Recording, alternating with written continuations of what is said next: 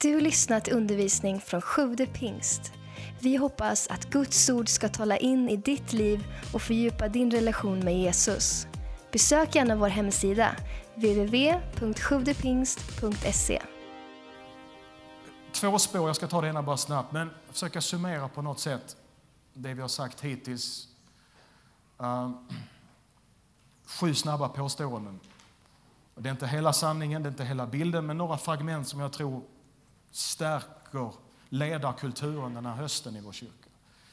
Ehm, jag ska inte stanna för länge inför det, utan ska gå in och ta lite preaching sen, eller vad vi kallar det. Men bara de här, satt och tänkte på det innan. Nummer ett, det som skapar en god ledarkultur i den här kyrkan framöver, som redan finns, men som etablerar den och stärker den och, och, och för den framåt. Okej. Okay. Nu. Så här är det. Om du inte lever det kan du inte leda det. Det låter väldigt så här, men jag tar det till mig själv också. Ledarkulturen, en hälsosam ledarkultur, formas när människor förstår att om inte jag lever det kan jag inte leda någon annan i det heller. Därför att hela kristen tro handlar om inkarnation. Det måste bli kött och blod. Gud blev människa, bodde ibland oss och vi såg hans härlighet. helt plötsligt så kunde vi ta på Gud. Jesus kommer inte att leverera en, en, en, en, en mängd påståenden. Utan med sitt liv lever han upp dem. Och en sund ledarkultur, en stark ledarkultur, en hälsosam ledarkultur bottnar i att människor vet att om inte jag lever det så kan jag inte leda det. Som andra ord, det måste bli inkarnerat. Det behöver bli inkarnerat. Så om jag talar om lovsång, om inte jag lever i lovsång så kan inte jag leda dig att lovsjunga. Om inte jag lever i en generös livsstil, då faller allt platt till marken om jag försöker tala om för dig att nu gäller det att vara generös. Hälsosam ledarkultur börjar och nu är vi i Sverige och då har vi lite svårt med sånt här, men jag skulle säga från toppen och ner. Men om vi rundar till det lite då, så säger vi som så här, från centrum och ut. Man brukar säga som så här, vad som pågår på toppen speglar av sig i botten. Och du är inte på botten om inte du är pastor här, okej? Okay? Men bara för att illustrera. Jag brukar säga som så här, det som pågår bakom lyckta dörrar i en äldste kår, det speglar av sig i församlingen. Det som pågår i en pastors hjärta speglar av sig på församlingen förr eller senare. För, för det du lever, det är det du leder. Och då måste du bestämma dig för vad, vad vill jag leva och leda? Så ytterst sett så blir en församling så generös som ledarskapet är generöst. En församling blir så positiv som ledarskapet är positivt, det vill säga du. Därför att alla vi här inne är ledare, vi påverkar andra. Så det är den första. Den andra är, vi måste ingenting. Men vi får. Vi måste ingenting, men vi får. Du måste inte leda, men du får. Måste inte lovsjunga, men du får. Måste inte ge, men du får. Alltså när vi kommer, det blir så sunkigt och doftar illa. Vet du, om, om det här odlas i, i en kyrka. Liksom, oh, varför måste jag det? Nej, men du måste ingenting. Du behöver inte någonting, men du får.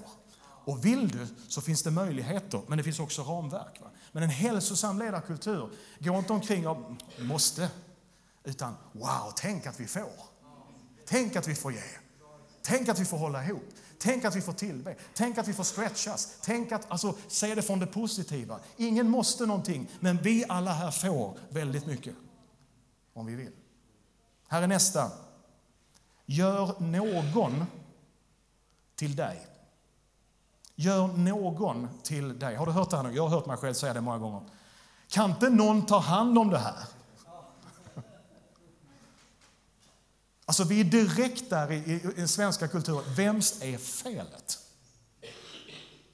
Det är alltid så, man till exempel tittar på nyheter så här. Så, jag kommer inte ihåg vilket sammanhang det var men för ett tag sedan var det på nyheterna. Och då ställer följande, kommer följande fråga från, från då journalisten eller programledaren till någon av de deltagarna. Och vems är felet?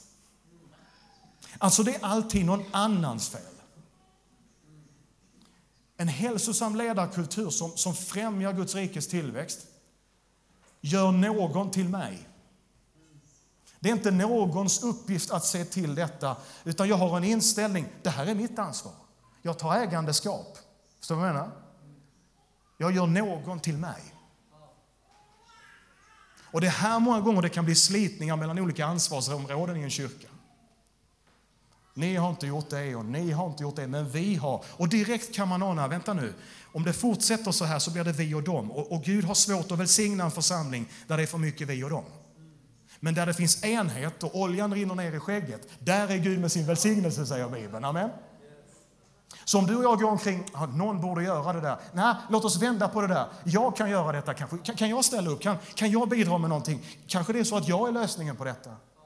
Märker du? Det blir ett helt annat tonläge. Det blir en helt annan atmosfär. Här kommer nästa.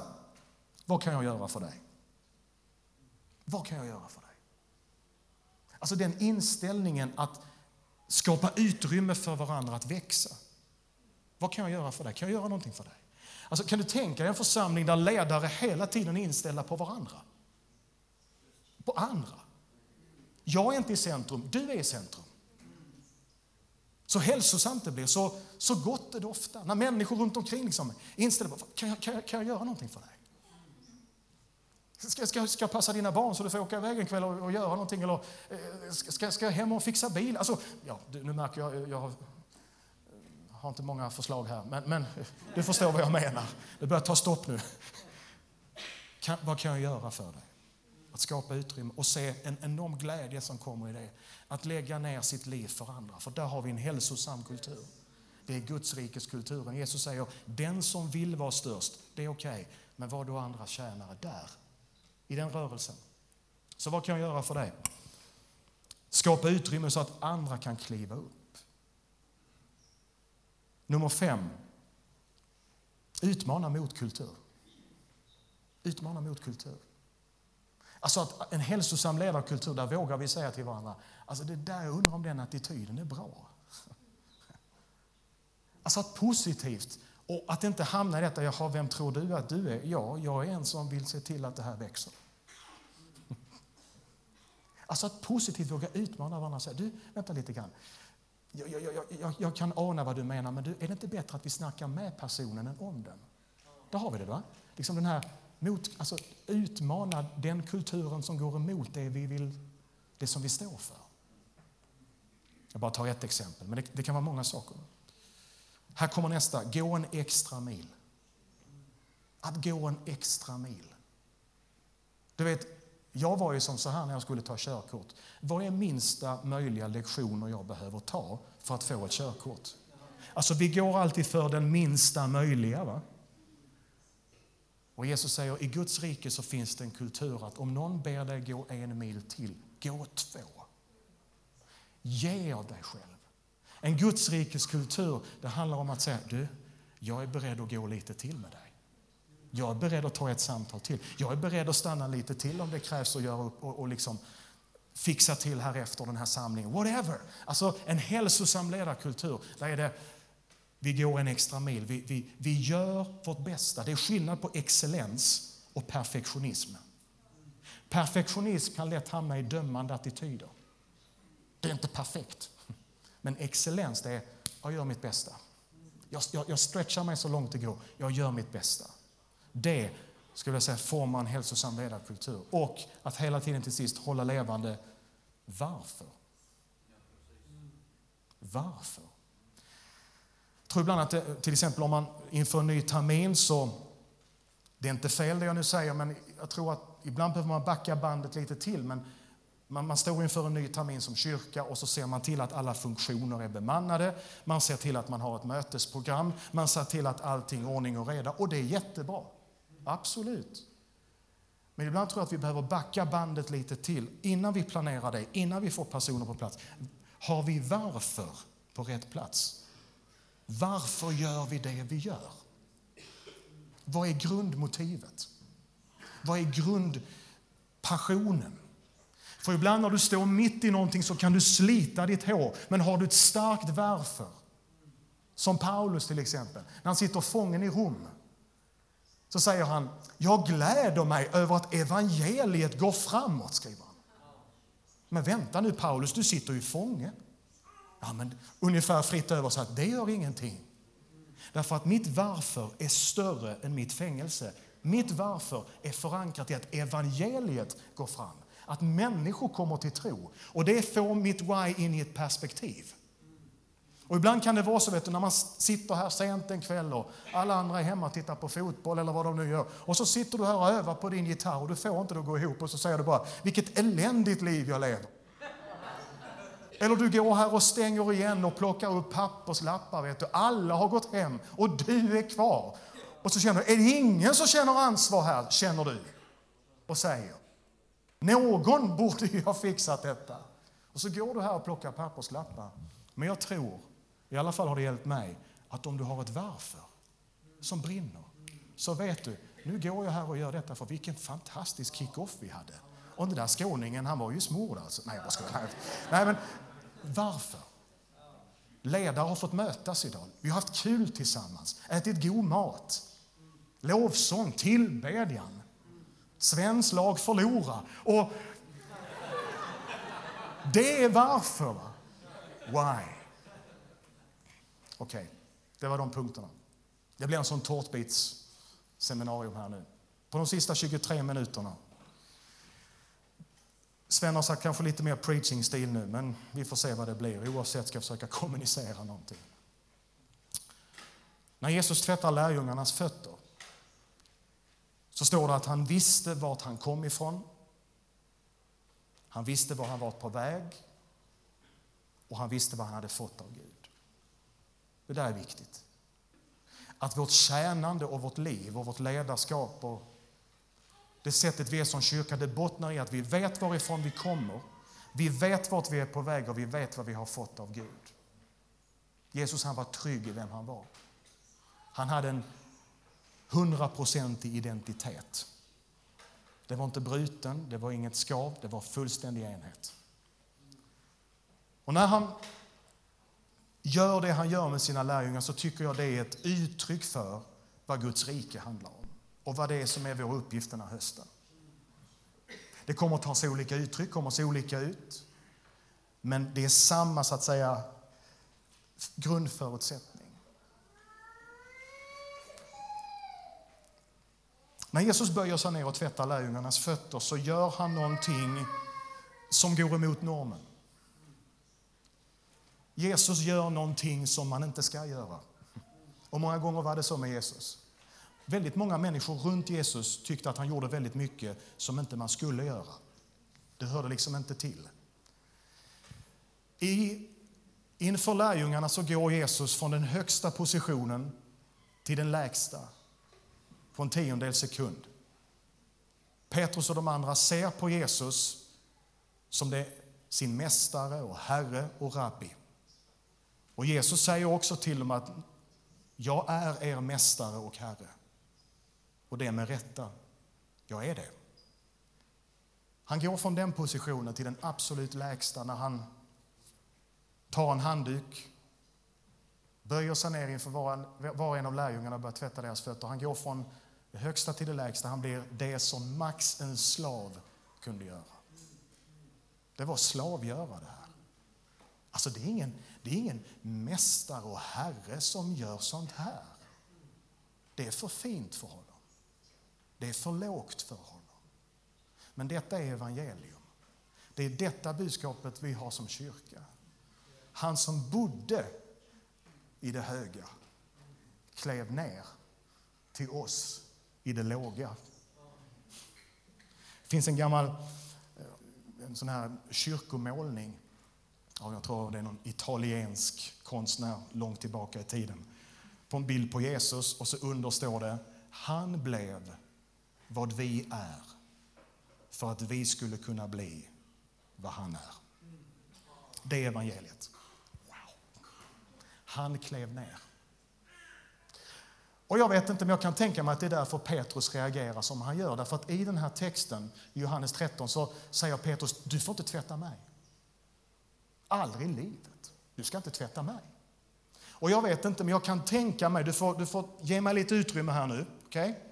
Att tolka skriften. Men jag tänker som så här, det blir för mycket för Petrus därför att han möter ett rike som är upp och ner.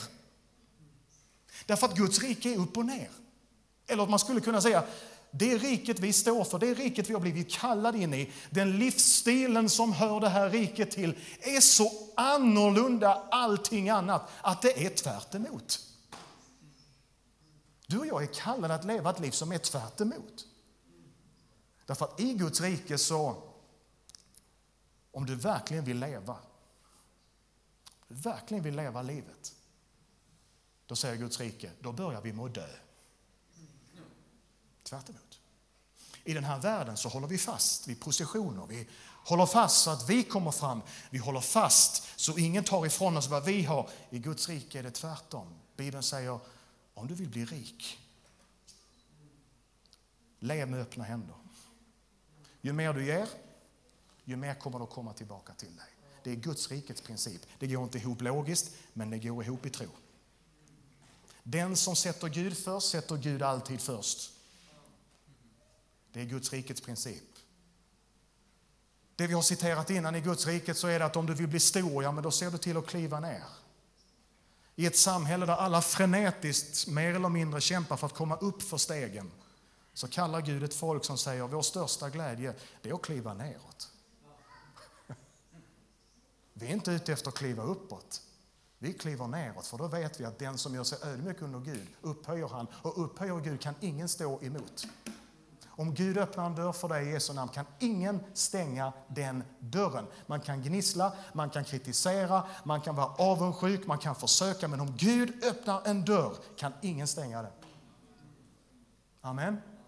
Och jag tror det är för någon den här hösten. Du kommer att se dörrar öppnas i Jesu namn. Och jag lovar dig, ingen kommer att kunna stänga dem. Du behöver inte frukta, du behöver inte vara rädd. Försök inte upprätthålla det, försök inte kontrollera det. Lämna det till Gud och Gud kommer att se till att den hålls öppen. Det är ett rike som är upp och ner. Det är tre saker jag tänker på, tre moment i den här texten som jag vill skicka med oss, den här kickoffen. Som gör att det kommer att dofta gott om oss den här hösten. Som kommer att göra att Guds rike kommer att ha framgång genom kyrkan här. Jag tror inte för det första att Jesus säger så här till Petrus. Hörde du, eh, jag skulle vilja tvätta dina fötter så kan du vara snäll och slänga upp fötterna på bordet för jag tycker det är så jobbigt att böja mig ner. Och återigen, du måste ge mig lite utrymme nu att tolka texten, okej? Okay?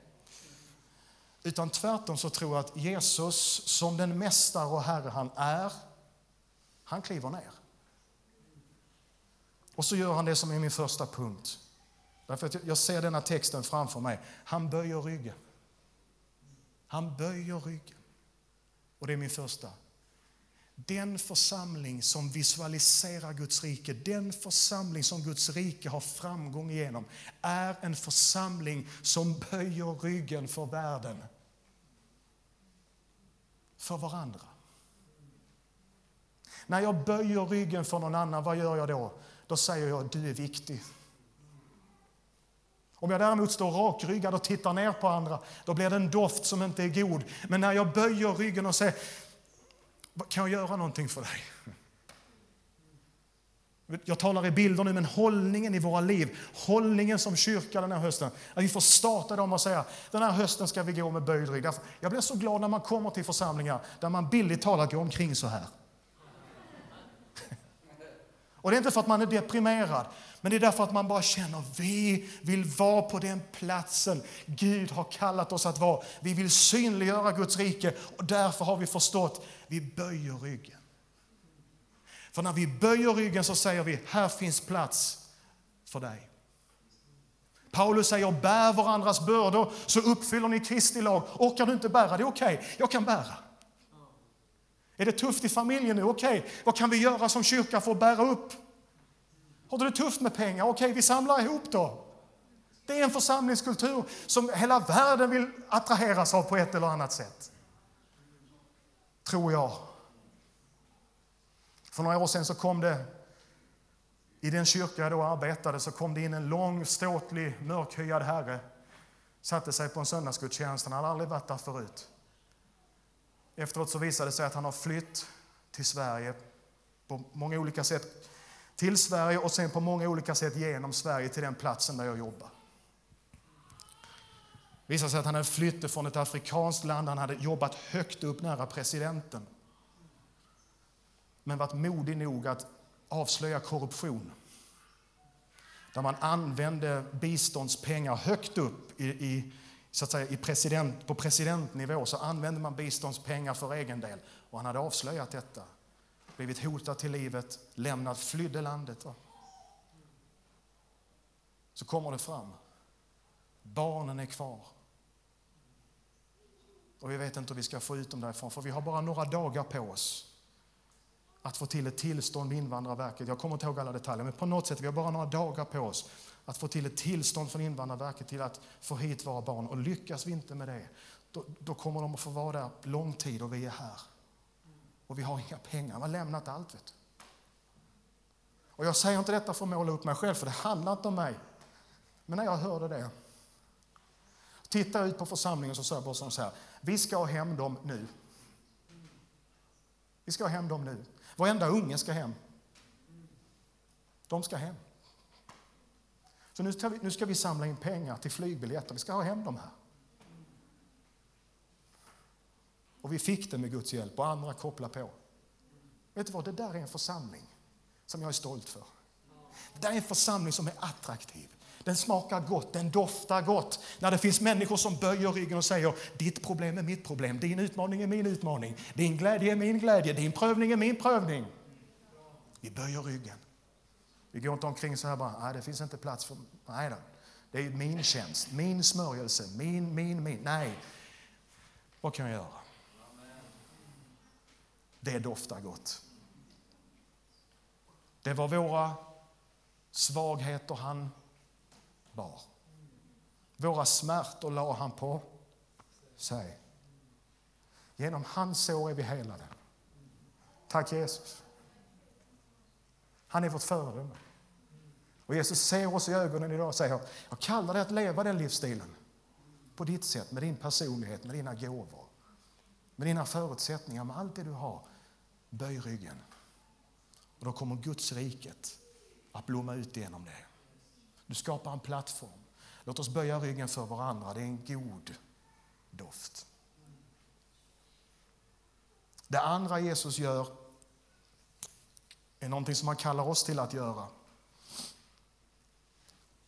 Han tar en av lärjungarna och så säger Andreas.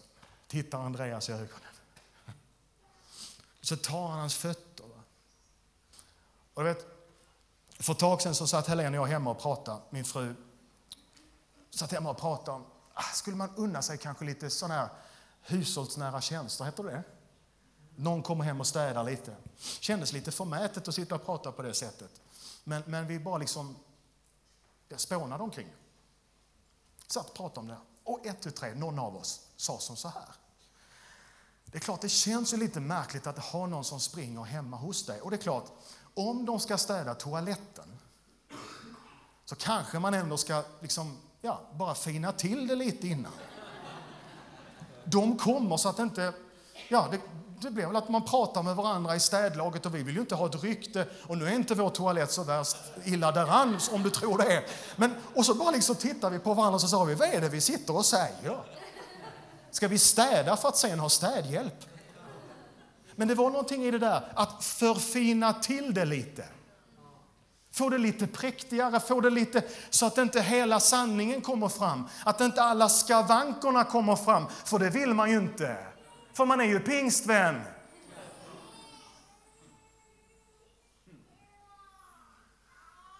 Det finns folk som sitter och kniper igen i våra kyrkbänkar idag därför att äktenskapet håller på att gå i kras. Men man vågar inte säga något. För vem, jag vill inte vara oandlig, jag vill inte vara en som folk tittar på och tänker, har han ingen tro? Barnen springer all världens vägar i världen och där sitter man och kniper igen för att prata om det. Nja, hur ska folk tänka om mig då? Ja, men jag har problem på det sexuella området. Nej, men det vågar jag inte prata om, för hur ska jag bli emottagen då? Vänner, det sitter så mycket i våra bänkar som går under epitetet, om vi så vill, smuts, om du förstår vad jag menar. Jag tror inte lärjungarna hade förbadat. Utan när Jesus tar Andreas fötter Förlåt uttrycket nu, men, nej. men han, han, då, då möter han smutsen. Där, alltså det är nära honom. Va? Han känner doften. Luktar inte gott. Det är verkligheten. Nu snackar vi livet.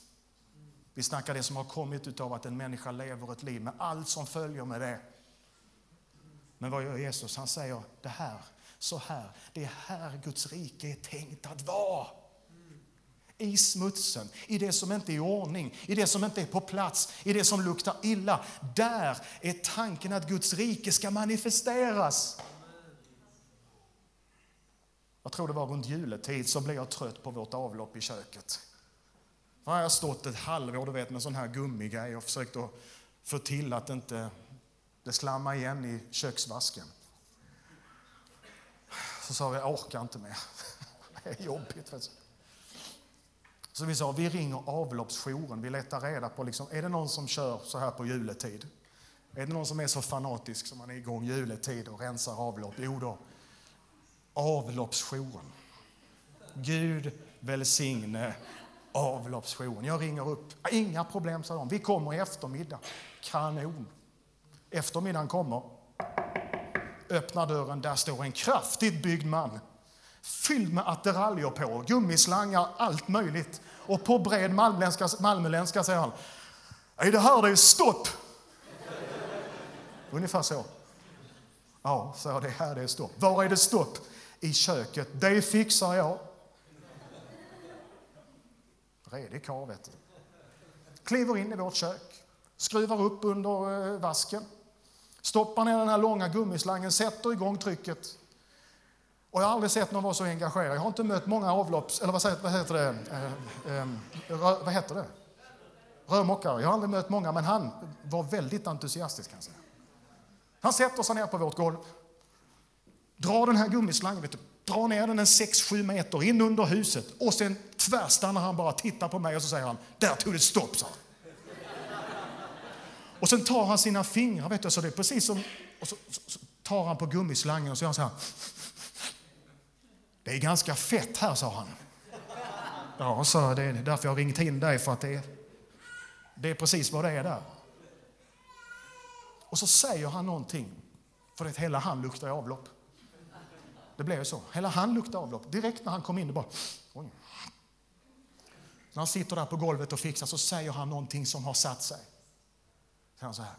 Ja, man måste vara lite speciell för att gilla det här yrket. Så sa han. Man måste vara lite speciell för att gilla det här yrket. Och då tänker jag, nu ska jag förandliga det lite tänker jag tack Gud att det finns någon som inte har näsan i vädret och som inte är så intresserad av sin egen prestige utan som kan säga ring mig så kommer jag och fixar ditt avlopp. Tack Jesus att det finns sådana människor. Och i nästa andetag, billigt talat, så hör jag, tror jag den helige Ande säga, och det är precis Rickard, vad Guds rike handlar om. Det är precis detta, Rickard, du är kallad till. Inte att gå omkring på ett avstånd ifrån smutsen omkring dig. Utan din kallelse är att komma så nära det bara går. Därför att det är det som är Guds rike. Han blev som en av oss. Han kom billigt talat in i vårt avlopp fixade till det. Och så sa han, från och med nu börjar någonting nytt i ditt liv. Nu tar jag tag i det där som har slammat igen i ditt liv. Blåser in min ande. Nu startar någonting nytt. Din dåliga självbild tar jag hand om nu. Den har slammat igen ditt liv tillräckligt. Nu är det en ny tid för dig. Nu löser vi de där propparna. Man och hustru, nu, nu har det varit mycket gnabb här. Ni har liksom inte nått varandra riktigt, men du vet, nu är det en ny tid nu. Nu tar vi bort det där slammet i Jesu namn. Guds rike. Tack Gud. Alltså, och därför så tycker jag om att komma till församlingar där det inte luktar Dolce Gabbana. Eller Lagerfält. Eller någon annan Hugo Boss parfym eller vad det nu än är. Utan där det luktar avlopp. Det är ett gott signum för pingstförsamlingen i Skövde. Jag talar i bilder. Men det är det bästa doften som den här församlingen kan ha, det är att det luktar lite avlopp om oss allihop. Därför att det talar om att vi gör precis rätt sak i rätt tid för rätt personer. Jag tolkar tystnaden som ett amen. Det doftar överallt. Och Gud har satt sin församling här för att komma nära, för att göra rent, ta hand om brustenheten, brutenheten, det som har gått sönder. Jag brukar berätta om, i en kyrka jag jobbar i kom en man som heter, heter Gary. Gary var runt 60 års ålder. Han kom in på någonting som vi kallar för öppen kyrka. Onsdagar satte upp lite kaffebord i kyrkan, kaffe, lite fika bara och så sjöng vi lite och så kom de som kom kom och en av de som kom var Gary. Och många av de andra som kom skulle man kunna säga de tilltufsade i samhället. Jag älskar att vara med dem. Det är så hälsosamt och lite klokt. Det är så kul. Och Gary hade levt 60 år tilltufsat. Problem med alkoholen. Varit nära att dö många gånger men ändå höll sig kvar i livet på något sätt. Och då sa han, ja det måste vara någon mening med mitt liv för jag har ju aldrig dött. Men jag skulle kunna, sa han. Så sa han, han där uppe eller vad det nu än är, sa han, det måste väl vara någonting. Gary började komma på våra kafémöten. Ett och tre kom han in i kyrkan och började gå på våra gudstjänster. Satt längst bak, var en av de bästa feedbackarna jag hade. Vet du. Han sa ja och amen och alltihop. Och ibland kom det ett och annat ord emellan som inte riktigt hör hemma i kyrkan. Ungefär, pip vilken bra predikan. Men det är okej okay för mig. Jag har hellre det än inget alls. Kommer tillfället. Jag tror det var på en kafémöte. Och det är dags för Gary. Ja, vi blir frälst. Ska vi be? Ja. Okay. Bara någon månad efter det. Det är sådana här stories som är god att berätta. Någon månad efter så möter jag en av hans kompisar som sitter utanpå, utanför kyrkan på trappan, storgråter. Så säger han, har du hört vad som har hänt med Gary? Nej, han dog. De har hittat honom död i sin lägenhet, helt själv. Okej. Okay. Begravningen var, vi åkte dit några stycken. Vi kopierade upp ett antal A4-papper med en sång på som var Garys sång. Och nu för alla er som är 30 och under, ni hänger inte med nu. Det är helt okej. Okay. Det finns en sång som heter Underbar frid, underbar frid. Frid som är världen kan ge. När han förde min själ ifrån mörker till ljus fick jag underbar, underbar frid. Gary önskade alltid den när vi sjöng. När vi tog fram vår gitarr och kyrkan. Kan ni sjunga den sången? Vi har tryckt upp den. Släkten är samlad, vänner är samlade i ett trångt våffelcafé någonstans på västkusten i Skåne. Det är en varm sommardag, vi trycker in oss där. Och sen så säger man, är det någon som vill säga någonting hoppar vi upp. Så säger vi, berätta vår historia, hur vi har lärt känna Gary bara några månader tidigare. Och så sa vi, nu ska vi sjunga allihop. Jaha, ja, vi har tryckt upp en låt här. Den här låten älskar Gary. Nu ska vi dela ut den och så ska vi sjunga allihop. Varsågod. Satte vi igång och började sjunga Underbar frid.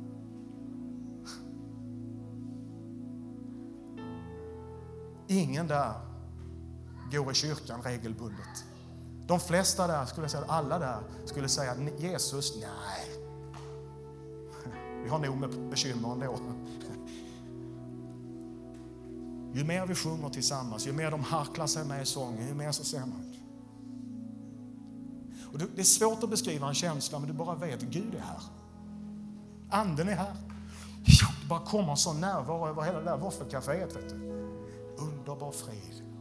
Underbar frid. Frid som är världen kan ge. När han förde min själ ifrån mörker till ljus fick jag underbar, underbar frid. Var allting perfekt i Garys liv? Nej. Kämpade han med alkoholen? Ja. Men jag ska tala om, vi kämpar också med grejer. Men han blev frälst. Smutsen togs bort på ett våffelcafé någonstans i Skåne. Vet du vad som var grejen? Hans mamma är troende. Hon kommer till mig och säger hon, du, jag har bett hela mitt liv att Gud ska frälsa min pojk. Och jag har varit så trött ibland på att be så jag, jag har inte haft tro för att be. Men på något sätt har jag bett ändå. Gud frälskar Tänk att han blev det. Bara några månader innan han går in i evigheten. Så sluta inte att be. Låt oss vara en kyrka som tror om människor. Tro Gud om människor. Tro Gud om genombrott. När alla andra säger det går inte, då är vi ett folk som har en annan ande. Vi har en annan inställning, vi har en smörjelse över våra liv som ser Gud, som ser Guds möjligheter.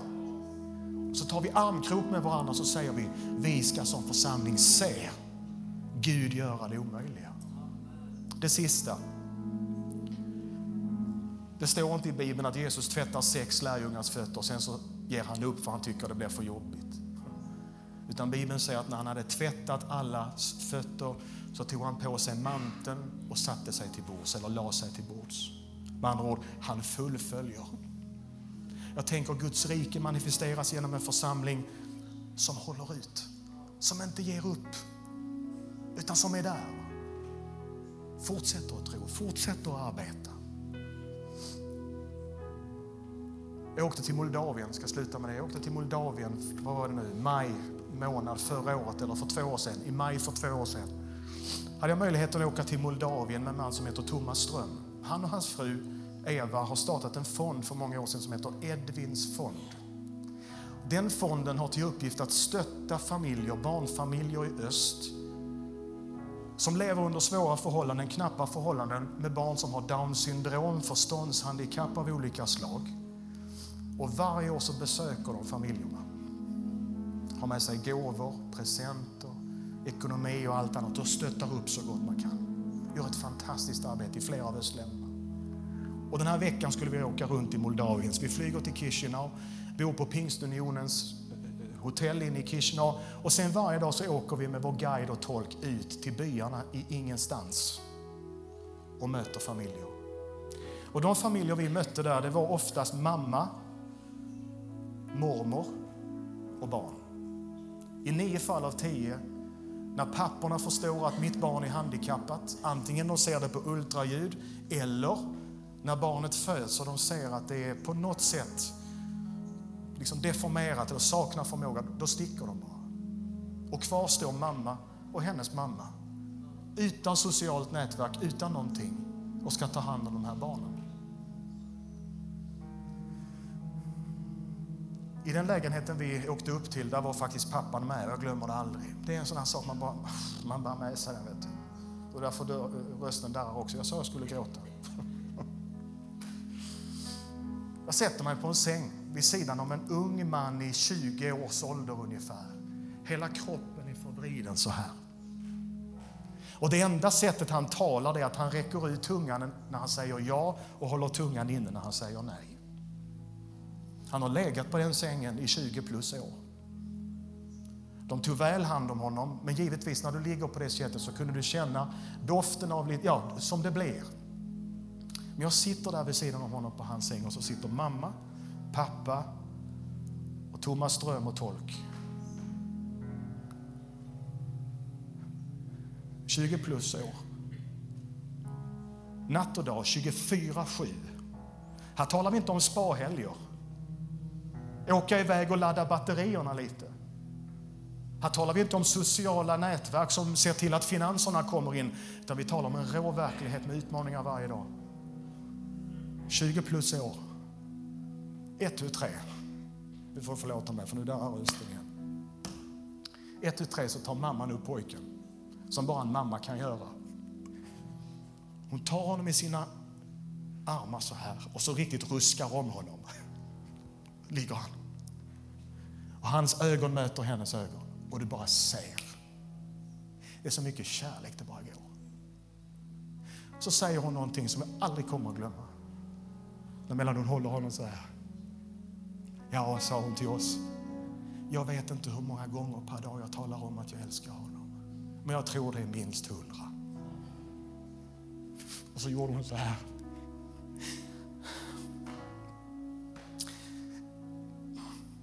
Ingen sa någonting. Men du bara visste. Det vi nu ser och det vi nu hör, det är manifestationen på jord av Guds rike. Kärlek, uthållighet som aldrig ger upp utan som finns där i med och motgång. Och jag vill skicka med dig med den bilden jag vill säga så här, jag tror att vi alla på ett eller annat sätt är tvistade. Vi bär på någonting i våra liv som vi aldrig kanske talar med någon annan om. Det finns saker och områden i våra liv som är lite tvistade. Men Gud är här genom den helige Ande och så säger han, jag tar upp dig idag. Och skakar om dig ordentligt och så börjar med att säga, du ska veta hur älskad du är. Sen finns det saker som vi ska ta itu med, men det är utifrån en grund av kärlek och nåd och barmhärtighet. Tack för att du lyssnat. Glöm inte att du alltid är välkommen till vår kyrka. Du hittar mer info på www.sjuvdepingst.se